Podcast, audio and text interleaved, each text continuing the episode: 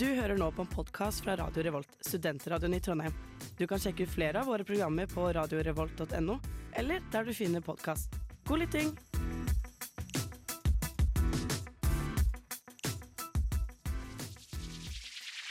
Radio Revolt.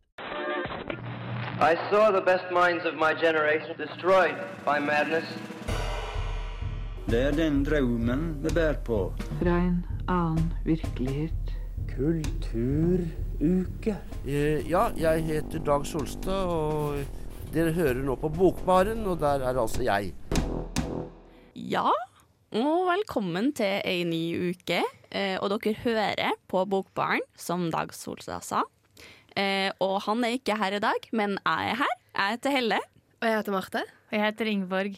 Og Dag Solstad sin intro har fått en helt ny mening for meg nå, for nå er han eh, en stor kandidat i mitt masterprosjekt. Oi. Så jeg får enda mer ærefrykt hver gang jeg hører han eh, nevne oss. Herlighet!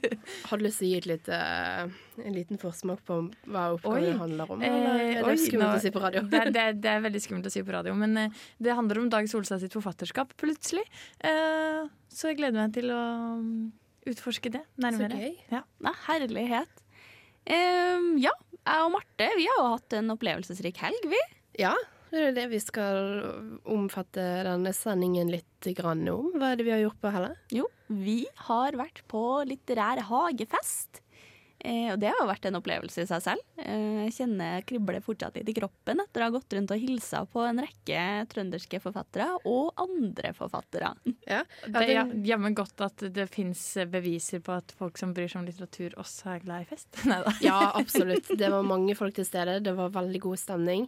Det var eh, barn der, det var godt voksne, det var eldre folk. Det var hele generasjonen. Ja, en rekke Utvalget. nye studenter, altså. -hmm. Så bra. Er det sånn at man blir overraska over å se hvor mange som faktisk er litteraturinteressert når man møter opp på et sånt type arrangement? Ble dere overraska over hvor mange som var der, og hvor stor liksom, eh, skille det var i de ulike typene folk, da, som det høres ut som det var? Altså- ja, jeg ble det egentlig. Jeg snakka litt med dem som sto der i døråpninga av telt, folk som kom også. Jeg ble veldig overraska over hvor mange det var som tok turen. Jo, men vet du hva det verste er? Jeg syns egentlig ikke det er så overraskende. Ja, men det er jo bra. Eh, nei, men jeg var Nei, for jeg har um, Jeg har hatt en skikkelig sånn kulturhelg. Jeg var blant annet på Munchmuseet. Jeg var i Oslo i helgen. Og så var jeg innom Munchmuseet og innom det nye Deichman De- Deichman? Deichman? Deichman-museet. Nei, ikke museet. Biblioteket. Masse barn. Og barn blir tatt med på kulturtilbud. Så det, og det var jo mye program som var rettet mot ungdom og barn. Um, så jeg var egentlig ikke så overrasket. Det var veldig få over si tenåringer der. Det er kanskje ikke så overraskende. Um, men nei, egentlig ikke. Nei, så det, det er en håpefull framtid for de unge litteraturinteresserte, da, med andre ord. Ja, det, og så må jeg si, som eh, fadder, eh, så er jeg så stolt over at så mange av mine fadderbarn møtte opp og var interessert i å være med. Hei, det er Pedro Carmona Alvarez. Du hører på Bokbaren på Radio Revolt. Det gjør du, og her står altså vi. Eh, vi introduserte oss i stad, men vi kan ta en runde til. Jeg heter Helle. Ingeborg, Og jeg heter Marte. Supert. Og Pedro Camona Alvarez han var altså hedersgjest i går på eh, den litterære hagefesten. Og vi hadde noen godt over en time med samtale rundt eh, forfatterskapet hans da, og hans karriere. Og vi skal jo få snakka litt mer om han senere. Men eh, først, Marte, hva slags forventninger var det du egentlig hadde til en litterær hagefest? Eh, nei, det var jo på en måte litt det det ligger i ordet, da. Snakke om bøker, høre litt om eh, forskjellige forfatteres eh, verk som skulle frontes. På en måte litt prat, litt networking. Ja, Litt jeg, jeg også hadde egentlig den følelsen. Og så er det liksom Jeg er litt mer vant til at uh, vi ser på litteraturfellesskapet som sånn snobbete uh, overklassesak. Mm. Og særlig sånn i Oslo så er jo akkurat um, litterære hagefester og sånt. Det er lukka arrangement. Så det er litt uh, unikt, da. At vi har eh, åpen litterær hagefest i Trondheim. Ja, jeg kan på en måte se for meg at det er en forskjell mellom Aschehougs hagefest, som nettopp også var i disse dager, og eh, Norsk Forfattersentrums hagefest på Adrianstua. Eh, Veldig. begge har sikkert sine fordeler, men jeg ser for meg at den dere var på, var litt mer sånn en deilig punchbolle av både forfattere og folk og samtaleevner og Mm. grillpølser og bare en skikkelig god mashup. Ja. kanskje ikke grillpølser, det var wienerpølser. Men du er farlig nær. Um, Er det kontroversielt? Vet ikke. Vet hvem vet. Um, men det på en måte, Når man drar på sånt, det er sånn interessant det du sier med på en måte, dette med eksklusivitet, og at det føles veldig høykultur. Um, men på en måte min opplevelse etter å ha vært der, var jo at alle var supersnille og giret på å prate med oss. Og det er sånn Ja, ja, vi tar oss tid. Ikke noe Ja, det var med det. så hyggelig! Og en annen ting er at kanskje på et sånn her åpent arrangement så vil det komme mer av det lesende publikum, ikke nødvendigvis eh, altså sikkert, Det er jo sikkert mange forfattere og, folk tilknytta litteraturmiljøet i en profesjonell sammenheng der, men i forhold til en sånn uh, lukka fest, så vil det jo komme mye mer av det lesende publikum, og det er jo faktisk de man skriver for. Så det tipper jeg er veldig interessant for forfatterne, å faktisk få litt kontakt med de de skriver til. Da. Ja, det virka som det var nesten hovedgrunnen til at det var fest, på en måte. At det var en sånn ikke bare det at koronaen har vært her så lenge og på en måte holdt alle innestengt, og alle forfatterne har jo ikke fått møtt hverandre, men det at man også endelig får snakka med publikum om den tingen som har blitt utgitt under denne perioden. Det var så fint! Og så nå har jo jeg en søster som har bodd i Oslo et par år, og hun har jo vært på litt sånn ambassadefest og sånt. Og det er litt sånn jeg har sett for meg at det er med litterær hagefest også. Eh, ikke i Trondheim, men eh, farlig nær, vil jeg si. Like stas, i hvert fall. Ja, så vi har jo laget litt lydsaker og eh, tatt dere på en måte med litt på denne hagefesten. Så jeg tenker vi kan jo bare kjøre en introduksjon og på en måte la dere bli kjent med de forfatterne vi møtte, da. Ja, gjerne. Ja, da står Helle og jeg Hvor er vi? Vi er ved Ringvebukten. Ja, Ringvebukta. Ute på Lade. Eh, og dere lurer kanskje på hvorfor i verden har dere tatt turen ut her? Hvorfor, Hva er det vi skal her, Helle? Eh, vi skal på litterær hagefest. Mhm. Eh, som da er arrangert for første gang siden koronaen var ferdig. Ja. OK, Helle, har du noen forventninger til dagen? Hva, er det noe du gleder deg til, eller noe du håper kommer til å skje? Jeg håper at jeg får deltatt på noen arrangementer. Eh, jeg så at det skulle være noe opplegg for barn, eh, og det hørtes veldig gøy ut. Nei. Ellers enn det så så jeg at det skulle være noe poesilesing senere, så jeg gleder meg veldig til det. Ja. Eh, jeg er personlig litt nervøs. Vi skal jo prøve å få prate med litt forskjellige folk. Og så håper jeg å bli litt inspirert av ikke bare god litteratur, men også utrolig fine omgivelser. Det er jo en park her, og vi ser rett ut i fjorden med, med trær og trær og busker, så jeg tror dette blir veldig bra. Det blir nydelig. Ja, hei, mitt navn er Trond Aam, daglig leder for Litteraturhuset i Trondheim. Eh, Nå er vi endelig i gang igjen. Fra og med 1.9 tror jeg vi ja, er omtrent der hvor vi var eh, før pandemien trådte inn. Så jeg gleder meg kjempemye til, eh, ja, til, det, rett og slett. Og håper at publikum også, også er med, for å si det sånn. Eh, Så Vi eh, annonserte for septemberprogrammet nå nettopp, og av det jeg ser eh, veldig fram til, så vil jeg kanskje spesielt trekke fram Caroline Criado Perez, eh, britisk forfatter og feminist som faktisk kommer til Trondheim 16.9. i forbindelse med at 'Invisible Women' kommer i norsk oversettelse. Så det, det er noe av det som jeg kanskje vil eh, trekke fram eh, akkurat eh, nå. Mm. Ja, men noe sånn, jo. ja. Hilde Stålskjær Osen heter jeg. Hva har jeg gjort, da? Jo, jeg skrev en bok, da. Min andre bok. Den første var en roman, og den andre var en novellesamling. Hva heter det, da? Den første heter, nå må jeg tenke meg om, eh, 'Vi bare kjører, så ser vi'. Og den andre heter 'Fra nå av blir det lettere'. Jeg heter Stine Fuglås Monsaksen, eh, og jeg har skrevet en diktsamling som heter 'Habituell abort', eh, som handler om en ung kvinne som går gjennom gjentatte spontanaborter eh, i forsøket på å bli mor. Du, jeg har begynt på bok nummer to, jeg har det, men den er litt sånn på, på vent. Jeg holder på med en doktorgrad som jeg skal bli ferdig, og så er jeg jo da småbarnsmor og har begynt en ny jobb, så det er litt mye som skjer. Eh, Men forhåpentligvis en gang til neste år så kommer bok nummer to. jeg. Skal jo eh, lese eh, dikt litt senere, eh, at med en som heter Erlend Skjetne. Som har skrevet en bok som jeg så vidt eh, har begynt å lese, og den er så nydelig. Eh, så jeg gleder meg kanskje aller mest til å høre han lese. Jeg heter Beate Heide, og jeg er skjønn- og faglitterær forfatter. Og så er jeg veldig opptatt av at barns stemme skal komme fram. Så den boka jeg har skrevet i år, den heter 'Mon Lean Kimme'. Kim det er meg. Og handler om et kjønnskreativt barn. Og kjønnskreative barn det er de som utfordrer de forestillingene vi har om kjønn. Altså gutter som kler seg i kjole, og jenter som er eh, mer gutteaktige, og som liker å leke med gutter. Skriver du på samisk? Nei, jeg skriver på norsk, og denne boka er tilrettelagt for samiske og Liv Tone Boinem. Fordi at det går ikke an å oversette direkte. Det må, da må begge språkene tilpasse seg hverandre, sånn at det går an å fortelle dem på begge språk. Ja, jeg tror jeg må lese alle de tre romanene som de har eh, hatt. Det var krutt. Ja, ikke sant? Det var veldig, veldig bra. Fantastisk. Så, eh, så det tenker jeg. Og så skal jeg lese Erling Skjetnes i bok. Mm. Som den romanen som han kom med i fjor.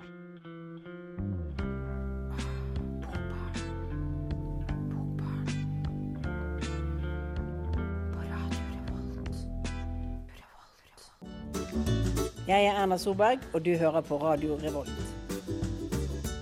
Ja, det gjør du. Men eh, i denne nesten helga, skal jeg si, vi har jo vært på litterær hagefest og nytt skikkelig på en ordentlig sånn eksplosiv litterær energi. Eh, Mhm. Det har vært absolutt herlig. Dere hørte jo at vi har snakka med litt diverse forfattere. Jeg hørte jo på uh, saken deres, fra, fra, som vi hørte nå, alle sammen, Uh, at det var jo skikkelig fest i bakgrunnen der. Det var i hvert fall en barnefest, for det var uh, løping og roping og skriking. Og eh, for å sitere Karpe, så hørtes det ut som de spiste eh, ikke- kanskje ikke kalde, men eh, litt våte kalde pølser. Og det er sånn det skal være på barne, barnefest. Ja, jeg nevnte jo det at det var jo noen wienerpølser Involvert. tilstedeværende som man kunne eh, kjøpe. Og det var jo absolutt på en måte ikke bare barnefest, men det var jo fest. Det var boller og kake, og noen hadde tatt med seg noen musserende for å feire eh, alle forfatterne som hadde gitt ut bøker eller gitt ut verk, for det var jo en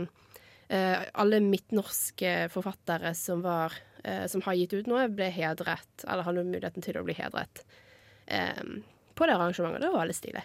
Ja, og jeg hørte jo at dere prata med noen kjentfolk der, annet eh, Stine Fuglås Bosaksen, som vi har hatt i studio før, og snakka om habitert abort. Så det var veldig hyggelig å høre igjen hennes stemme. Ja, og mange møtt, andre eh, interessante folk, virker det som. Ja, vi har møtt både kjente, kjære, gamle, og vi har fått utrolig mange nye. Blant annet så har vi også prata med Mathias R. Samuelsen, som eh, var tidligere bokbar.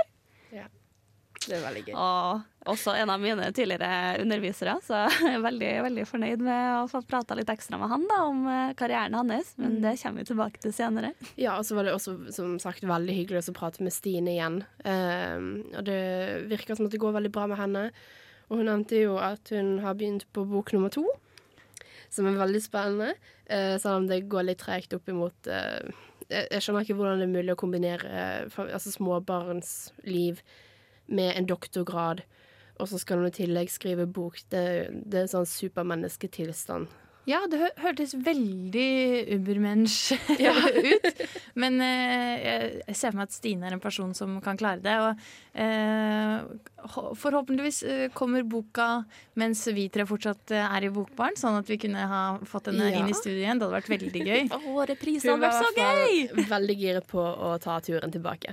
Så det var Det, det kjente varmet hjertet mitt litt. Grann, da.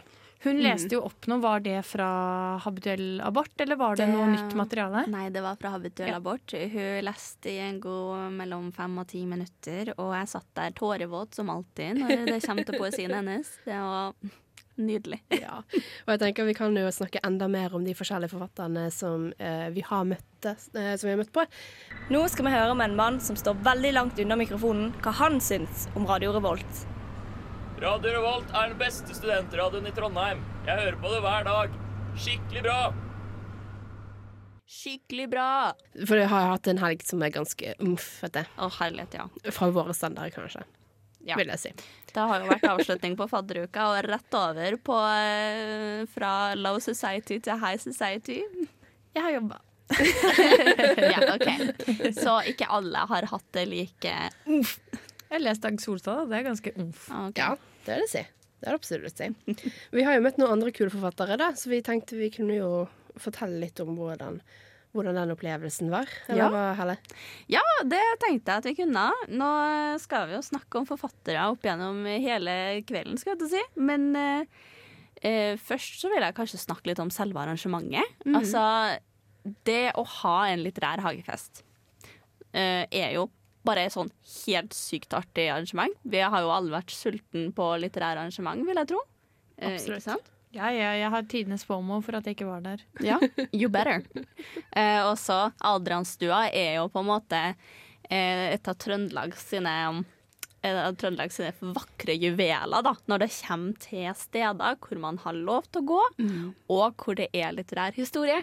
For det er jo da eh, er jo en forfatterheim, skal jeg til å si. Altså, forfattere får lov til å bo der fem år i slengen. Eh, på jeg skulle si ikke gratis, jeg tror det kanskje er gratis. Men de må søke da, til kommunen om å få lov til å bo der. Eh, og eh, tidligere så har jo eh, min foreleser eh, Mathias bodde der. Og nå eh, husker jeg ikke helt hvem som bor der akkurat nå, men eh, hva Jo, han heter Han heter Rune. Rune? Ja. Rune. Et eller annet. Um, God men- journalistikk her, altså. Ja, ja, Veldig takk. god Det journalistikk. er- Men det er vel et slags ansvar som kommer med å bo på Adrianstua. At Ja. du må åpne hjemmet ditt for Ja. eh, litteraturinteresserte og for på en måte andre bedrifter, sånn som f.eks. Midtnorsk Forfattersentrum, sånn at man kan arrangere ting. Da. At du faktisk må være litt eh, ha åpne dører i ja. din forfatterbolig. Og det er også krav om at uh, du må være med og arrangere eh, litterær hagefest. Mm. Men så kommer det med privilegium, da, som vi ble fortalt av, um, av arrangør, arrangør eh, Siri, så um, så kan du jo du, du får være med å velge hedersgjesten. Hva- og det var jo da han eh, Skal vi se Pedro Alvaro Carva Pedro Carmona Carmona Alvarez. Alvarez. Yes. Så det, det er jo på en måte Jeg vil si det absolutt er noe å Ja, så det var Rune Hva står det? Hjelmås. Hjelmås som, som bor der akkurat nå. Um, så det er jo, sånn som vi sa, veldig interessant. Og det var et utrolig fint område. Veldig sånn Det ligger rett nede med fjæren um, ute ved Ringve uh, museum. Og um, rett liksom med ladestien, så du kan gå på tur forbi der. Um, Kanskje ja. et eh, landskap som inspis inspirerer til å skrive ny litteratur for de forfatterne som holder til der òg, da. Det er vel håpet til Trøndelag, da.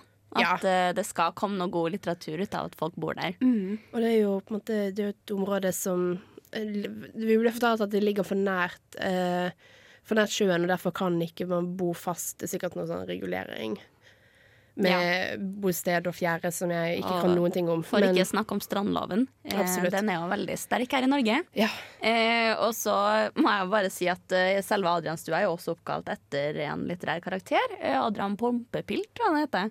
Som er fra en eh, bokserie for barn på 70-tallet, hvis jeg husker riktig. Så hyggelig. Ja, ja, ja, herlighet. Er masse historier historie å ta av der, altså.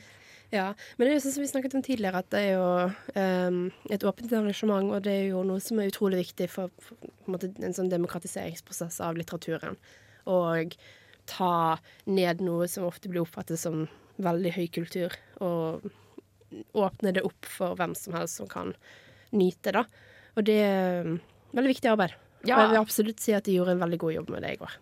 Ja, det blir jo kanskje litt sånn som vi var inne på tidligere, å skape et sånn uh, møtepunkt uh, mellom leser og uh, forfatter, og hvor også gjerne andre folk i prosessen, kanskje forlegger og distributør, distributør, også er involvert. Så det blir et sånn knutepunkt hvor alle disse her veiene møtes, og man faktisk kan kommunisere med hverandre om litteratur. Ja, og så føles det jo så klart mye nærmere folket. Eh, når at det er på en måte det er et åpent arrangement. Det er ikke sånn at forfattere har sånne svevende skikkelser som du bare møter liksom én gang hele livet, og det er når de er fulle ute på byen, eller eh, et eller annet sånn. Kjører forbi Ja. limousin. Ja, eller på en måte du drar, og så står du i sånn milevis lang kø for å få boken din signert, og så kommer det fram, og så sier forfatteren at å nei, det er pocketboken, den signerer ikke, du må ha hardcover, og så må du gå tilbake igjen og kjøpe ny, ikke sant. Så det er jo Det var veldig mye Dere har hatt noen traumatiserende forfattermøter oppe nå. Så Hvem er det dere har prøvd å møte? Liksom JK Rowling? oh God, no. Eh, Men det var en veldig hyggelig opplevelse, og som vi nevnte tidligere, så var alle utrolig imøtekommende og hyggelige, og det ga mye inspirasjon til potensielle invitasjoner inn i studio. Så det var, det var veldig gøy. Ja, det har vært en god opplevelse for oss i hvert fall. Jeg håper det har vært det for dem vi har møtt også. Hei, det er Junidar. Les Ibsen og lytt på Bokbaren. Åh, og Ibsen skal vi sikkert lese mer av i høst, vil jeg tro. Vi kommer aldri unna, i hvert fall. Vi kommer alltid tilbake til. Å, jeg mener ja. Vi kommer alltid tilbake til Og forhåpentligvis tilbake til Junidar på et tidspunkt òg. Ja. Kan hun ikke bare lese inn alle Ibsen-bøkene? bo En bokbarnproduksjon. Åh, det var så nydelig. Deilig. Fått den inn her, skal noen lese. Ja, det var veldig plass. Herlig. Tilbake til litterær hagefest, skal jeg mm. si. Vi har jo snakka med diverse forfattere og sånt. Um, og vi har snakka med Bjørn Vatne, og har fått hørt litt av han også. Litt av den nyeste boka hans. Eh, Marte, husker du hva den heter? Du, den korte tittelen heter 'Underliv', men han skal jo selv få lov til å fortelle hva uh, den litt uh, lengre tittelen er. Uh, og det var Det høres ut som en fyrverkeri av en bok, og jeg fikk veldig lyst til å prøve å lese den. Han en eh, Han var en av Det var vel tre forfattere som jeg fikk sett, eh, som hadde høytlesning av verkene sine, og eh, jeg fikk på en måte lyst til å lese eh, i hvert fall to av de. Uh, Sistemann var jo Krill, som uh, uh, Bokbaren har jo anmeldt uh, tidligere i år, så hvis du er interessert i å høre litt om det, så kan du, har vi en episode som heter Bokbaren 2022, som er verdt å sjekke ut.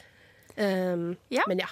Den høres veldig morsom ut, den her eh, Underliv, da, og rykende fersk tydeligvis, i og med at den kom ut i år. Ja, ja. Men eh, på eh, forlagets side her så står det at eh, det er en overskuddspreget roman om sexløketøy og kommunesammenslåing. Og det er en interessant kombinasjon, Ja. så jeg kunne tenke meg å lese mer om. Skal vi bare la uh, Bjørn Vatne få lov til å fortelle litt om boken selv? Ja, og hold ørene åpne etter den her fulle tittelen. Eh, Det kommer quiz senere. Eh, Jeg heter Bjørn Vatne. Jeg er forfatter fra Ålesund, bor i Ålesund. Eh, Dette er min fjerde bok, eh, min fjerde roman, som handler om Arnstein Lunde. En stakkars mann på rundt ja, midten av 40-åra. Som eh, opplever at eh, livet som han kjenner det, går litt i knas. Eh, og han må da gjenoppfinne seg sjøl, hvis det er mulig, i en alder av ja, et eller annet og 40. Ja. Jeg må bare eh, si at den tittelen som vi fikk opplest, eh, tror jeg er den beste tittelen jeg har hørt noen gang. Kan du, vil du fortelle fulle tittelen på, på romanen din? Eh, Den heter altså 'Underliv'. Den erotisk-økonomiske oppvåkninga i det som før het Våg kommune, nå opptatt ved makt i det ålesundske imperium. Det er helt fantastisk. Jeg må jeg må bare spørre, hvilket, hvilken sinnstilstand er det man er i når man kommer opp med en så nydelig tittel som det? En deilig eh, sinnstilstand av eh, å være fornøyd med seg sjøl. Hvorfor var det så jævlig artig å tenke seg at jeg skulle selge sexleketøy? Hva var det med meg som var så grunnleggende og fullstendig uerotisk at folk satt pastasalaten i halsen bare du nevnte mitt navn og dildoer i samme setning? Du, eh, Først og fremst er det veldig gøy å, å få møte forfatterkollegaer, som, eh, som det har vært altfor lite av de siste åra. Mm. Man har jo sittet i hver sin hule og skrevet på ting, så, så det er veldig gøy. Og så eh, er jeg spent på å høre eh, Pedro eh, Carmona Alvarez bli intervjua nå. Som, det skal være en, en skikkelig prat med han, som jo er en forfatter som har utmerka seg i mange mange år i Norge, til sin relativt unge alder til tross. Så det blir spennende å høre på. Ja vel, så førte det sikkert til litt overrepresentasjon av utbrenthet og depresjon, men det gjorde det også til et nøkternt, ordentlig og bærekraftig menneske. Og dette gikk folk inn i med åpne øyne. Det var mitt bestemte inntrykk. Da er siste spørsmålet vi lurer på, og det spør vi alle om. Om du har et lesetips til våre lyttere? Eh, da må jeg det, hvis, jeg bare skal, altså, hvis jeg bare drar fram det aller siste jeg leste, da, så er det en bok som fryktelig mange har lest i sommer, men som er så god som folk eh, vil ha det til. Den heter 'Anomalien' av eh, Hervé Tellier, heter han vel, en franskmann som har skrevet. som er en fantastisk eh, sånn lesegledebok. eh, Sci-fi blanda med realisme, blanda med krim, blanda med humor. Altså Som er en lesefest. da. Så den kan jo stille meg bak alle kritikerne for en gangs skyld, og, og hjertelig anbefale. Tusen hjertelig. Det var veldig hyggelig. Ja, så det du fikk høre der, det var herlig blanding av eh, Bjørn Vatne som fortalte om eh, boken 'Underliv', og så litt opplesning. Så det var veldig morsomt, for han skulle lese opp eh, litt et, eh, et utdrag fra boken, og så fortalte han at eh, da han skulle sette seg ned og så finne ut av eh, hva han skulle lese opp, så hadde dere altså for seg at det skulle være så mange barn til stede. Nei, fordi sexleketøy og kommunesammenslåing er kanskje ikke deres favorittema. Nei. Sånn. Og ikke helt appropriate. Nei, for dette var jo det. Han valgte jo også å lese da eh, et av kapitlene hvor hovedpersonen med et uhell har klart å bestille rundt hva var det, 600 dildoer. Vet du hva, Jeg hadde sneket meg av gårde på do når at, eh, det ble lest opp, men uh, jeg hørte latteren fra inne i Adrianstua, så det må jeg si. Det var en fantastisk opplevelse på avstand. Ja, så det er fall, Du får høre da han som uh, driver og undrer seg selv hvorfor i verden det var så morsomt og ironisk, men òg drøfter litt rundt sin egen tilværelse og oppvekst, hvor han har eh, vært vant med eh, folk rundt seg som på en måte lever livene sine på en måte skikkelige eh, Uten å gjøre noe særlig av seg. Kanskje litt konservativt, om du vil, men ja. Og på en måte, ja, kanskje man får litt depresjon av det, men vi er da skikkelige. Så ja. Det høres ut som Bjørn Vatne har hatt en veldig eh, unik idé her, med den her litt tørre eh, norske byråkratiske mannen som er opptatt av kommunesammenslåing og jeg er litt av eh, Sunnmør... Sunnmørsbygd, ja. Åh, farlig territorium. Hold tunga rett i munnen. Eh, Men med å liksom kaste inn en sånn eh, skikkelig holdt på å si molotov-cocktail i miksen der, som er disse sexleketøyene som bare spriter det hele opp. Samtidig som han skriver seg på en måte inn i en sånn samtidstradisjon med en mann i litt midtlivskrise og, eh, som jeg skjønte på omtalen av boka, kanskje noen relasjoner som begynner å gå i oppløsning. Ja. Eh, at eh, han kommenterer både på eh, eh, ting som skjer i samfunnet, og skriver seg inn i en samtidstradisjon. Mm. Men også en eh, skikkelig original idé med litt eh, eh, Hva skal jeg si? Jeg ser for meg sånn eh, skikkelig fargerikt cover med rosa og eh, veldig gøy roman å plukke opp, kan jeg se for meg at det er. Ja. Eller, ja, jeg, måtte, han, jeg føler han maler et bilde av litt sånn kommunegrå eh, tilstand og omgivelser rundt seg, og så plutselig så kommer liksom disse 600 dildoene i kanskje sånn neonrosa og, eh, og på en måte farger litt hverdagen, og jeg vet liksom ikke helt hva han skal gjøre med det. Men det var sånn som du sa, det var jo på en måte noe litt sånn Dag Solstad-aktig med tittel, og kanskje litt Ja, sånn den den midtlivskrisen. eller fullstendige tittelen. Det var jo en evig lang setning. Jeg ga meg litt sånn eh, Ja. Dag Solstad eh, eh, Allusjoner, rett og slett. jeg sa det skulle være quiz, husker du den? Nei, Det var dessverre. sånn dessverre. økonomisk erotisk. Ålesund, var det noe ja, med det? så var det noe med gamle kommunen som jeg ikke tør å si hva var, for det husker jeg ikke, som nå en del av Ålesund imperium. Det er jo helt nydelig. Men jeg føler nesten, Nå har jeg ikke lest boka, så jeg skal ikke uttale meg for mye om det, men sånn umiddelbart så tenker jeg nesten på en sånn satire på det norske samfunnet som liksom er fiskeri, i hvert fall på Mm. eh, Vestlandet og Sunnmøre, som en sånn fiskeriindustri, og så plutselig så driver man og importerer 700 rosa dildoer i stedet for. Og det er veldig gøy. det er veldig, veldig morsomt. Jeg fikk i hvert fall lyst til å prøve å lese den. Og Ja. så det, det skaper intriger, i hvert fall. Det Ja, interesserer herlighet. mitt nysgjerrige sinn, i hvert fall. Det blir jo spenstig litteratur å få tak i overalt uh, framover. Det gleder oss endelig her i Bokbaren. Du, Magnus, jeg fant en skikkelig kul ny bok, jeg. Hysj! Du kan ikke snakke ved biblioteket, men du kan høre på Bokbaren hvis du har headset. Og du kan høre på Bokbaren på radioen også. Ja, ja, ja. I bilen, på kjøkkenet, hvor som helst. Ja. Nettradio. På Overalt. joggetur, kanskje? Ja, podkast. Kom igjen, litt til. Du kan, du kan klare det. Ja, kom an, kom an! Siste 100 meter. Spurt om den bakken nå! Nei, men vi har vel fortsatt vært på litterær hagefest, vi, på Adrianstua. Eller dere har vært da, jeg har ikke Ja. vært. Jeg har fortsatt, eh, som sagt, veldig fomo for det, men det er veldig hyggelig å høre dere snakke litt om hva som eh, skjedde der. Mhm. Og dere har vel snakka med en annen eh, kjent bokbaring òg, ikke minst litt, Ja. etter hvert litterær skikkelse i Trondheim. Det har vi! Marte, Det vil du fortelle hvem det er? Ja, det var utrolig koselig. Vi eh, eh, møtte Mathias, som er tidligere, sånn som du sa, tidligere bokbaring. Eh, hele fulle navnet er Mathias R. Samuelsen. Samuelsen. Og eh, det var utrolig hyggelig å eh, prate med han. Eh, vi fikk òg høre han lese opp bo, litt fra boken sin eh, som heter Den heter vel 'Sjønung', hvis det er riktig Mm. uttale. Det er et Ja, tysk tittel som handler vel om eh, ja, andre verdenskrig og Tyskland. Men jeg Mm. tror det er 'Sjønung' er riktig tittel. Ja. Han snakker vel også tysk, så han har sikkert Ja, bedre uttale det. enn oss. Ja, jeg er ikke så veldig god på Jeg tok aldri tysk, så jeg var litt sånn usikker på den selv. Uh, men den, uh, slik jeg forsto boken, uh, er eh, Det handler om farfaren som var med i motstandsbevegelsen, som ble tatt, og som da ble sendt og var i to år i en, eh, en konsentrasjonsleir. Det kommer det sikkert Mathias til å snakke mer om senere når vi skal høre litt fra han.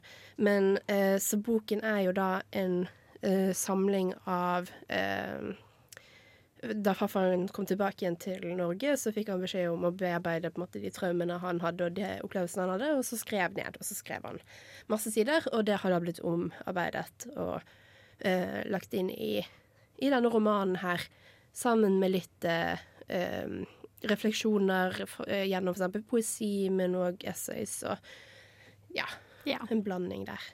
Og jeg føler det du sier nå, Marti, veldig mening, for jeg ser at eh, romanen har en undertittel eh, som er eh, altså hovedtittel 'Sjønung' eller 'De frivillige minneroman'. Mm. Eh, og det er vel kanskje det det handler om, at det er de her tekstene som farfaren har skrevet, og blanda med, en eh, med på en en slags moderne inngang, eller nåtidsinngang, hvor dette barnebarnet prøver å forstå og sette seg inn i hva bestefaren har gjennomgått, da. Ja, som skal- krigstraume. Ja, og jeg skal være litt forsiktig, for at jeg har ikke lest boken ennå, men eh, det ga jo litt assosiasjoner til eh, en bok vi leste i fjor. 'Den andre broren' av Ja, Tove Nilsen. Nilsen, ja. Absolutt. Eh, så det er jo Du får jo lyst til å lese litt og så se om på en måte hvordan det er Hvordan kan det stå opp mot hverandre.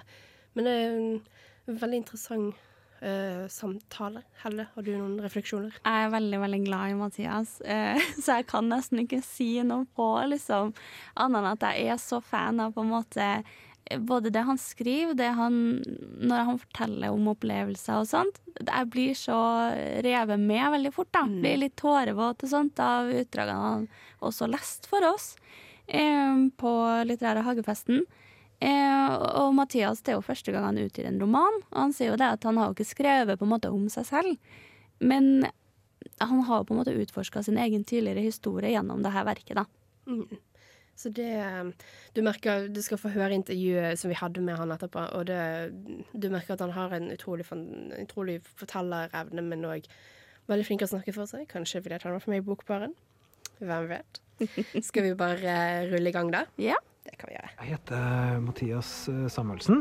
R. Samuelsen når jeg skriver, eh, eller når, jeg, når navnet mitt skal stå et sted. Fordi det er en fotballspiller som heter Mathias Samuelsen. Så hvis vi googler meg, så er det litt fint eh, det. det vi er ikke samme person. Jeg ga ut debuten min uh, i 2009, som var ei diktsamling. Og så etter det så har jeg gitt ut tre diktsamlinger. Gjendikta en del amerikansk nyere eh, poesi. Og så har jeg laga en antologi med ny amerikansk poesi sammen med Rune Hjemås, han som um, bor i Adrianstua nå. Vi, nå. nå. sitter vi bak Adrianstua, så derfor jeg sier det, så for dere som hører på. På en platting som uh, jeg snekra. Bare så det er sagt. Fin ja, kjempefin, ikke sant? Men jeg tror noen av bordene må skiftes ut etter hvert nå, for det begynner å bli litt være en stund siden eh, vi snekra den. Men det kan jo være det samme. Jeg bodde her da, i fem år, gjorde jeg før Rune flytta inn. Og nå, nå i eh, 2022 to i vår så, så ga jeg ut en roman. Første romanen min. og første publikasjonen på Samlaget, som mm. ikke, altså for meg, som ikke er en gjendikting. Det er historien egentlig om meg. Poesi og gjendikting. Og så nå en roman som en litt sånn hybridroman. Eh, så det er mye lyrikk og essay og, eh, og arkivmateriale og sånn i den også. Men roman er nok den nærmeste sjangerbetegnelsen man på en måte finner. Jeg er 35, og jeg sitter på kontoret til redaktøren min, Allan. Han gjør sitt beste for å forstå hva jeg skriver når jeg ikke er der for å forklare det. For å forklare de tingene jeg har utelatt. Den eh, romanen jeg har egentlig tenkt på at jeg skulle skrive um, veldig lenge. Men så har jeg på en måte ikke vært, um, ikke vært Jeg har ikke følt at jeg har vært flink nok før uh, for ja, fire år siden, når jeg begynte å jobbe med den. Men bakgrunnen er egentlig det at um, farfaren min han um, var i motstandsbevegelsen under annen verdenskrig, og så ble han tatt. Og så tilbrakte han to år i en konsentrasjonsleir på grensa mellom det som er Tyskland og Frankrike i dag, utafor Strasbourg.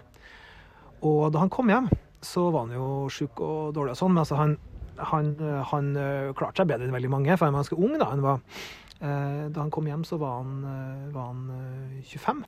Og da, eh, på den tida, så var ikke helsevesenet så veldig sånn Hadde ikke så mye rutine på, på, på psykologi og seinskader og den type ting. Men han hadde en lege da, som tydeligvis var ganske god, for han ga han en skrivemaskin. Mens han lå på sykehuset, så sa han nå må du bare skrive alt du har opplevd. Og det gjorde han, og det ble sånn, eh, sånn ca. 60 sider. Og så tok jeg de 60 sidene, og så har jeg på en måte skrevet rundt det. Så hans uh, sider er direkte fra han, og så rundt det her så er det en slags eh, fiksjonalisert historie uh, inspirert av uh, de generasjonene som kom etterpå.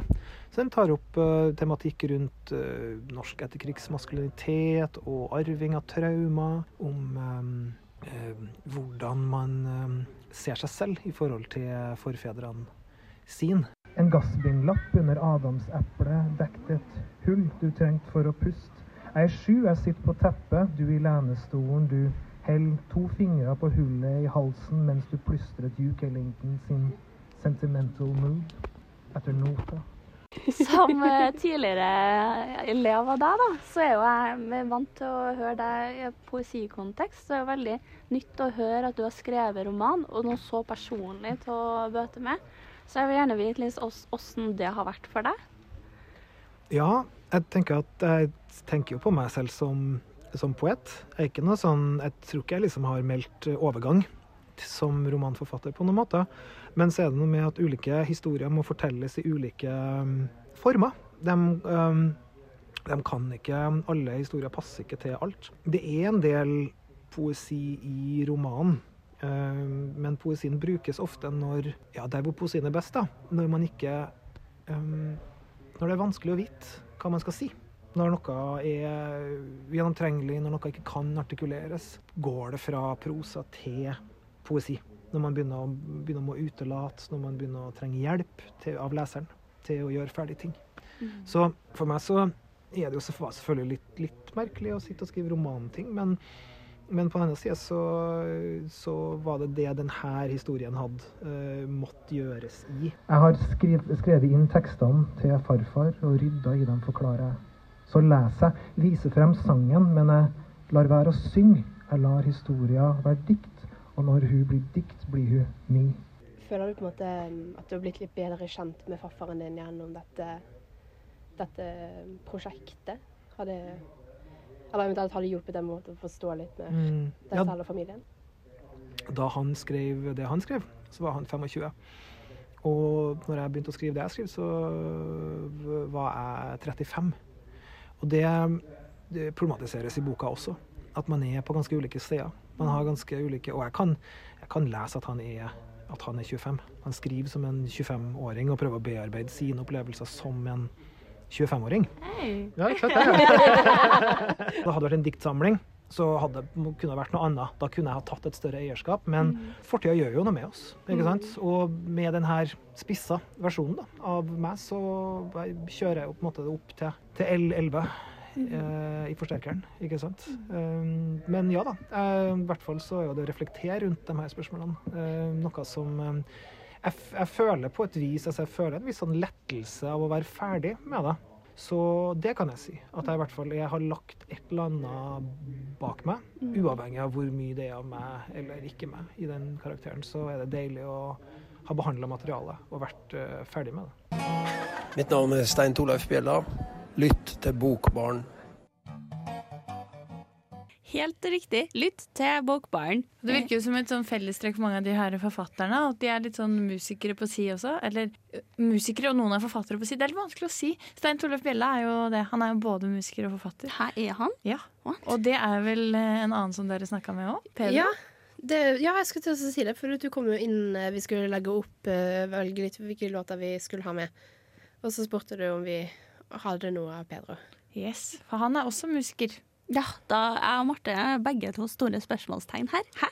Ja, jeg, jeg kan ikke si at jeg kjenner til eh, audiografien hans eh, sånn veldig godt, men eh, han eh, eh, er musiker og har vel gitt ut i hvert fall én plate, om ikke flere, så vidt jeg vet. Herlighet. Så de er em, multitalenter, disse folka her. Renessansepersoner, alle sammen. Men Pedro Carmona Alvarez var vel på litteraturfesten også? Det var han. Han var hedersgjest. Uh, har blitt invitert av June Hjelmås, som Mhm. bor på Adrianstua nå. Eh, og det hadde visst ikke vært så vanskelig valg. Han hadde blitt spurt ja, av Norsk Forfattersentrum ja, hvem kunne du tenkt deg å invitere, siden det er du som skal få bestemme hedersgjest. Jo, eh, det er Pedro. Det var så lett, var det. Og var det, det var vel en samtale, kan jeg tenke meg også, hvor han ble intervjua? Dra tidlig. Ja, Marte måtte dra tidlig, men jeg satt der og så på. Og det var veldig spennende, veldig interessant samtale. Eh, den gikk veldig over tida også. Eh, han skulle jo lese litt avslutning på ett dikt, sa han, og det tror jeg gikk i over et kvarter med avslutninga på det her diktet. Det var sant? nydelig. Ja.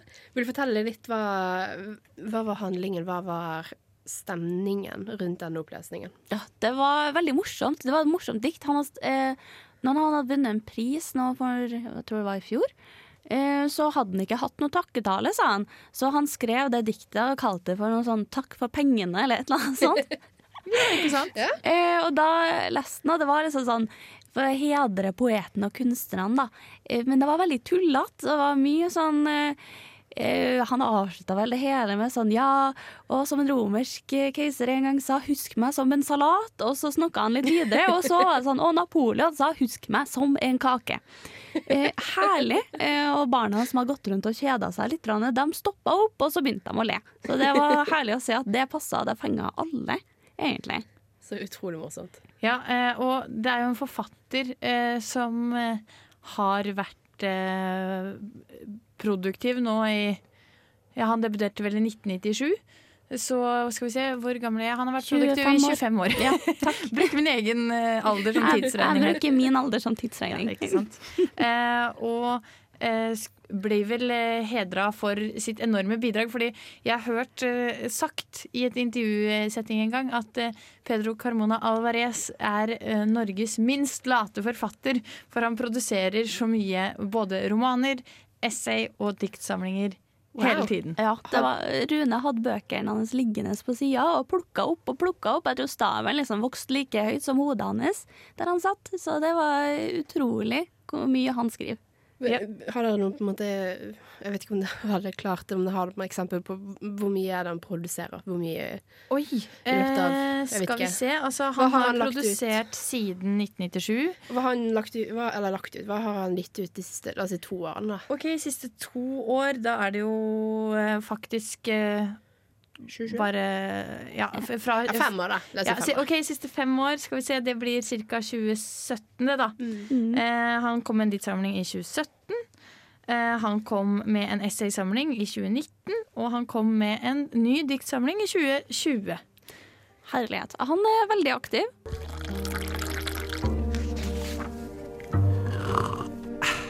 Du lytter til Bokbarn.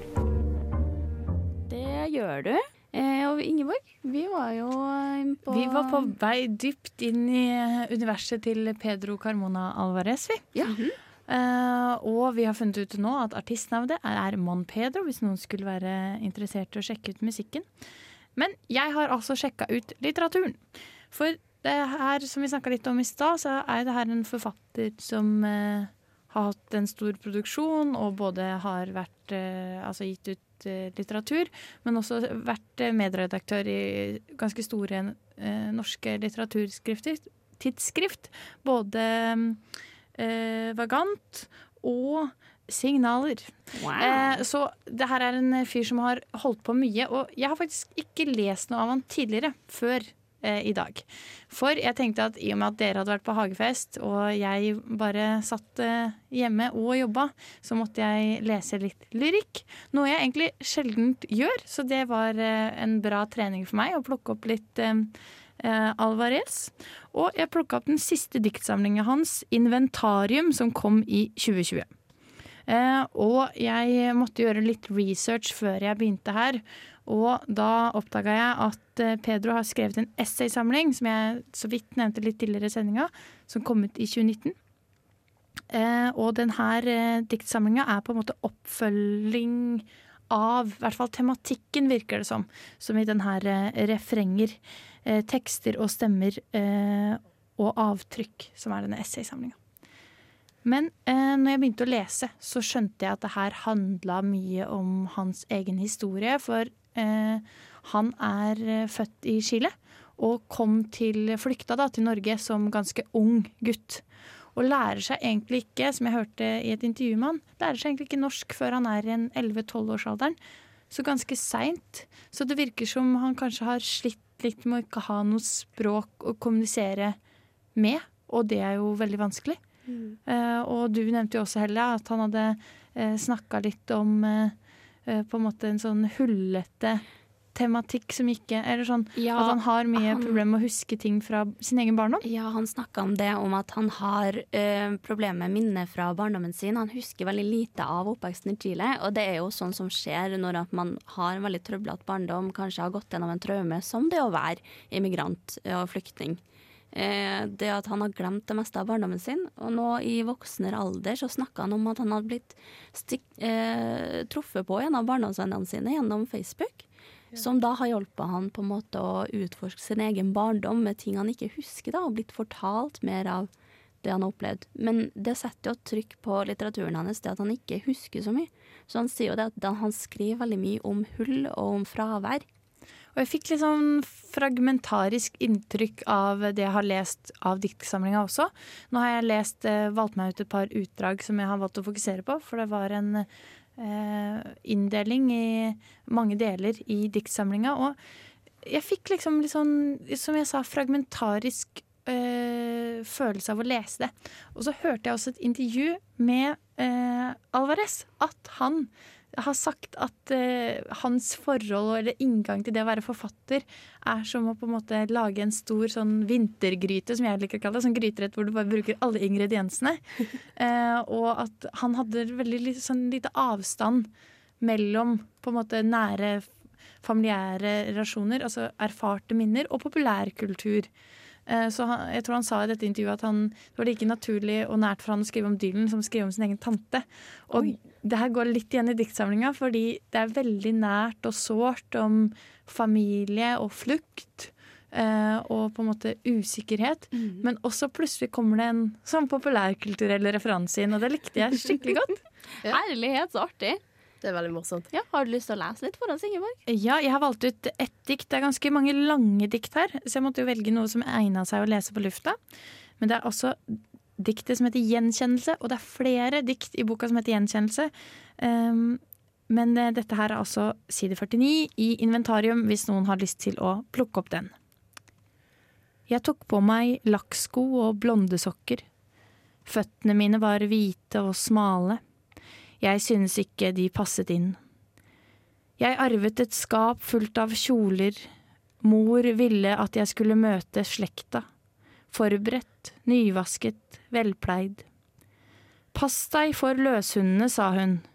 Ikke bitt negler, ikke gå i elven, ikke spytt sånn som guttene, vær pen. Og høflig. Bruk fremmedord så ofte du kan. Jeg arvet også et skap fullt av steiner. Men lenge ante jeg ikke hva jeg skulle kaste dem på. Wow. Det er vakkert. Ja, Nydelig. Og eh, i denne delen så har det vært et par eh, dikt i forkant som snakker litt om denne reisen tilbake til eh, Chile. Ja. Eh, men han blander jo på en måte her hele tiden i sin, i sin dagstilstand, holdt jeg på å si, altså som voksen, og tilbake til barndommen. Så den her reisen tilbake til Chile, sånn som jeg har forstått det, har vel godt, skjedd nå i voksen alder, men med en gang man reiser tilbake, så kommer barnet fram i deg. Jeg kan jo bare gi litt sånn historisk kontekst eh, til de som kanskje lurer på dette her med flukt. Så eh, eh, Camaro Alvarez ble født i 72, og dette er da året hvor Salvador Allende går eh, eh, blir valgt som president i Chile.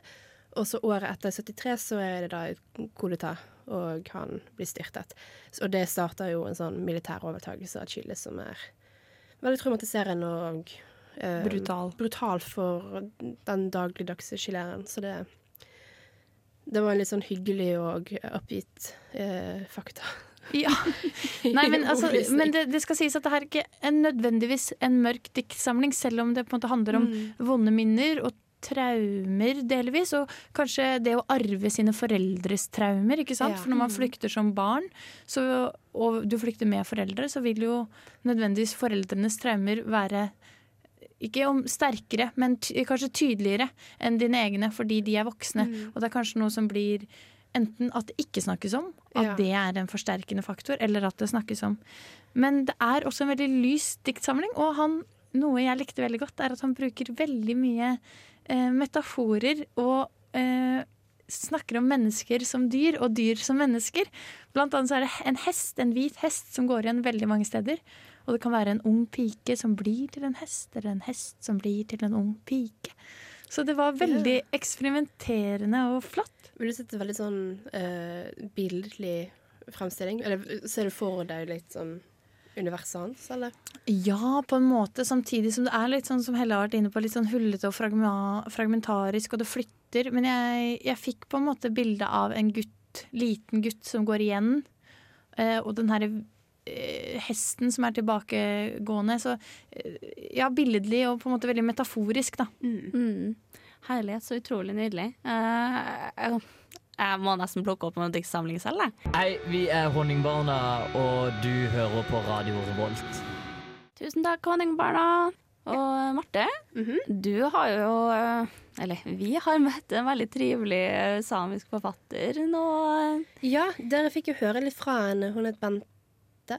Ja. Eh, og eh, skrev da denne her barneboken som fortalte om, om eh, det hun kalte kjønnskreative barn. Som et nytt begrep som jeg ikke har hørt før, men jeg likte det. Det var Jeg, jeg syns det var en veldig fin måte å måte beskrive da flytende identitet på. Ja, du var jo helt fascinert. Hun kom jo rett fra litteratur... Nei, fra Pride til Ja. litteraturfestivalen, så det var jo veldig koselig. Festival, hallo. Hagefest. Det var, ja, det var utrolig hyggelig å prate med henne. Hun var utrolig snill og veldig glad for å prate med oss. Så det er jo noe jeg eh, jeg, så- jeg så litt på Du finner den boken du snakket om på biblioteket. Den er ikke spesielt lang. Jeg tror den er rundt 50 sider.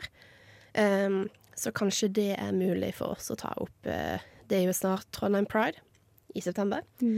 Så enten ta det for opp det i den anledningen, eller kanskje ha en skikkelig feiring i februar. Å, herlighet. Jeg gleder meg allerede til februar jeg, til å plukke opp noe mer samisk litteratur. Mm, absolutt. Så det ble jo veldig, veldig artig. Hei, hei. Eh, Dette er Vigdis Hjort. Jeg liker navnet på denne radiokanalen, Radio Revolt. Hør på magasinet Bokbarn. Det å sitte på bar og lese bok, det er ikke det verste. Ja, og vi skal ha litt lesetips Ja, fra. Hagefesten på Adrianstua. Så da sier vi bare roll lesetips. Hvis jeg bare drar fram det aller siste jeg leste, da, så er det en bok som fryktelig mange har lest i sommer, men som er så god som folk eh, vil ha det til. Den heter 'Anomalien' av eh, Hervé Tellier, heter han vel, en franskmann som har skrevet. Som er en fantastisk eh, sånn lesegledebok sci-fi blanda med realisme, blanda med krim, blanda med humor. Altså som er en lesefest, da. Så den kan jo stille meg bak alle kritikerne for en gangs skyld, og, og hjertelig anbefale. Eh, Da må jeg igjen da, jeg går rundt og snakker veldig varmt om Erlend Skjetnes eh, bok eh, 'Klær gjennomvåte'. Den leste under koronaen. Fantastisk. Jeg har jo da så vidt eh, begynt på um, Erlend Skjetnes' bok, eh, 'Alt som skrangler', heter den vel. Eh, og så eh, har jeg også begynt på ei bok som heter 'Om høsten kommer de tilbake', av Håvard Nilsen. Eh, så den, den anbefaler jeg alle å sjekke ut. Eh, altså Det som jeg leste i sommer som gjorde inntrykk, det var bl.a. den der boka av hun Valerie Springora, 'Samtykke'. Den, eh, den kom jo egentlig i fjor, eh, men eh, jeg leste den ikke da. For jeg hadde liksom sett for meg, at jeg kjente saken og ikke kom til å få noe ut av boka. Men den var faktisk utrolig sterk. Eh, Rystende, rett og slett. Så leste jeg like etterpå så leste jeg den eh, siste boka av uh, Annie Ernaux, eh, 'Le Jeune Homme'. Og den eh, ble jeg ikke så eh, imponert over, men det er kanskje fordi jeg nettopp hadde lest Bringora, For den handla om liksom, en, sånn, en eldre kvinne som eh, har en affære med en sånn 30 år yngre mann. Og så blir liksom sånn metta av franske forfattere av og til. Eh, De er alltid så opptatt av eh, unge elskerinner. Men, eh, men, eh, ja, eh, men Springora vil jeg absolutt anbefale. Ja, det kan jeg anbefale. Ei bok av Irene Larsen som har fått Havmannsprisen i år. Den heter 'Der det gror skirri'. Den er skrevet på norsk, på nynorsk til og med. Og, og den, er, den handler om moderne Norge. For det er jo sånn at når man skal snakke om samisk litteratur, så er det ofte at det reindriftssamene som kommer i fokus. Og det er jo bare en liten del av den samiske befolkninga som driver på med det. Sånn at det, jeg syns det er veldig bra at eh, det kommer noe om det moderne Norge. Og akkurat denne romanen så har hun undertekst til, eh, til eh, Det fliset med han Kverini utafor Røst på 1500-tallet. Der hun undrer hun, det, det er ikke det det handler om, men hun undrer seg på det med overlevelse. Sånn at boka har en masse undertekst. I løpet av det arbeidet som jeg mm, har holdt med, så har jeg vært veldig opptatt av eh, det amerikanske Maggie Nelson. Um, det er også oversatt til norsk. eh, Ikke sånn superbra, spør du meg, så jeg anbefaler å lese på engelsk. Men spesielt to bøker av hun. Den ene heter, um, het, het, heter Jane.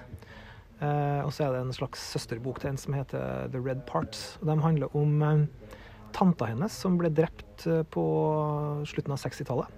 Og så prøver hun å gå tilbake liksom, i arkivmaterialet og sånt for å Og den um, Jane-boka er jo da en diktbok, mens The Red Parts er på en måte en um, ja, slags essay som forteller. En bok som jeg har plukka opp i år, som eh, Den er jo ikke faktisk aktuell i år, da, men den var aktuell eh, vel i fjor. Eh, Det er Bjørn Erik Hansen sin 'Dynamitt i borehullene', som handler om Trondheim LO, altså Trondheim LOs historie. Og det høres jo Unnskyld meg, jeg var litt spent på at han skulle klare å gjøre det artig. Men er litt inn i boka, det er en page-turner, altså. Ja, Så den gleder jeg meg til å fullføre, for den er tjukk som en murstein. Men den var gærartig. Mye Trondheimshistorie, samtidig som du har hele den arbeiderbevegelsen, arbeiderklassehistorien fra 1800 fram til i dag. da. Sammensydd med historiske, altså internasjonale evenementer. Og, nei, den, eh, den anbefaler jeg alle som er litt opptatt av Trondheim, eller litt opptatt av politikk, eller litt opptatt av arbeiderklasse, å plukke opp. Ja, og sist her så hørte vi da Siri fra Midtnorsk Forfattersentrum. Ja, Siri Aurland Bredesen. Takk, Marte. Er det hun heter? Hun har også gitt oss en utfordring her i Bokbaren. Vi Mhm. har blitt utfordra til å komme med midtnorske forfattere som vi òg har lesetips på. Og jeg vil starte med Mathias R. Samuelsen sin nye bok, eh, for jeg vært helt fascinert. Det er Shannon. Jeg tar ikke midtnorsk forfatter, men jeg tar en som var på Midtnorsk Forfattersentrums litterære hagefest. Og det blir jo da eh, Pedro Carmona Alvarez og hans nyeste diktsamling 'Inventarium', for de som vil lese noe vakker lyrikk. Ja, absolutt. Jeg òg ble veldig inspirert av den hagefesten som vi var på, og eh, har veldig lyst til å lese Bjørn Vatne sin bok eh, som heter 'Underliv'. Eh, og jeg skal ikke prøve på den lange tittelen. Er du sikker? Jeg tror ikke vi har tid til det, dessverre. Ja, det ser nok sånn ut. Vi må si ha det til dere. Vi ses igjen til neste uke. Ha det bra! Ha det bra! Du har lyttet til en podkast fra Radio Revolt, studentradioen i Trondheim. Likte du dette, kan vi også anbefale.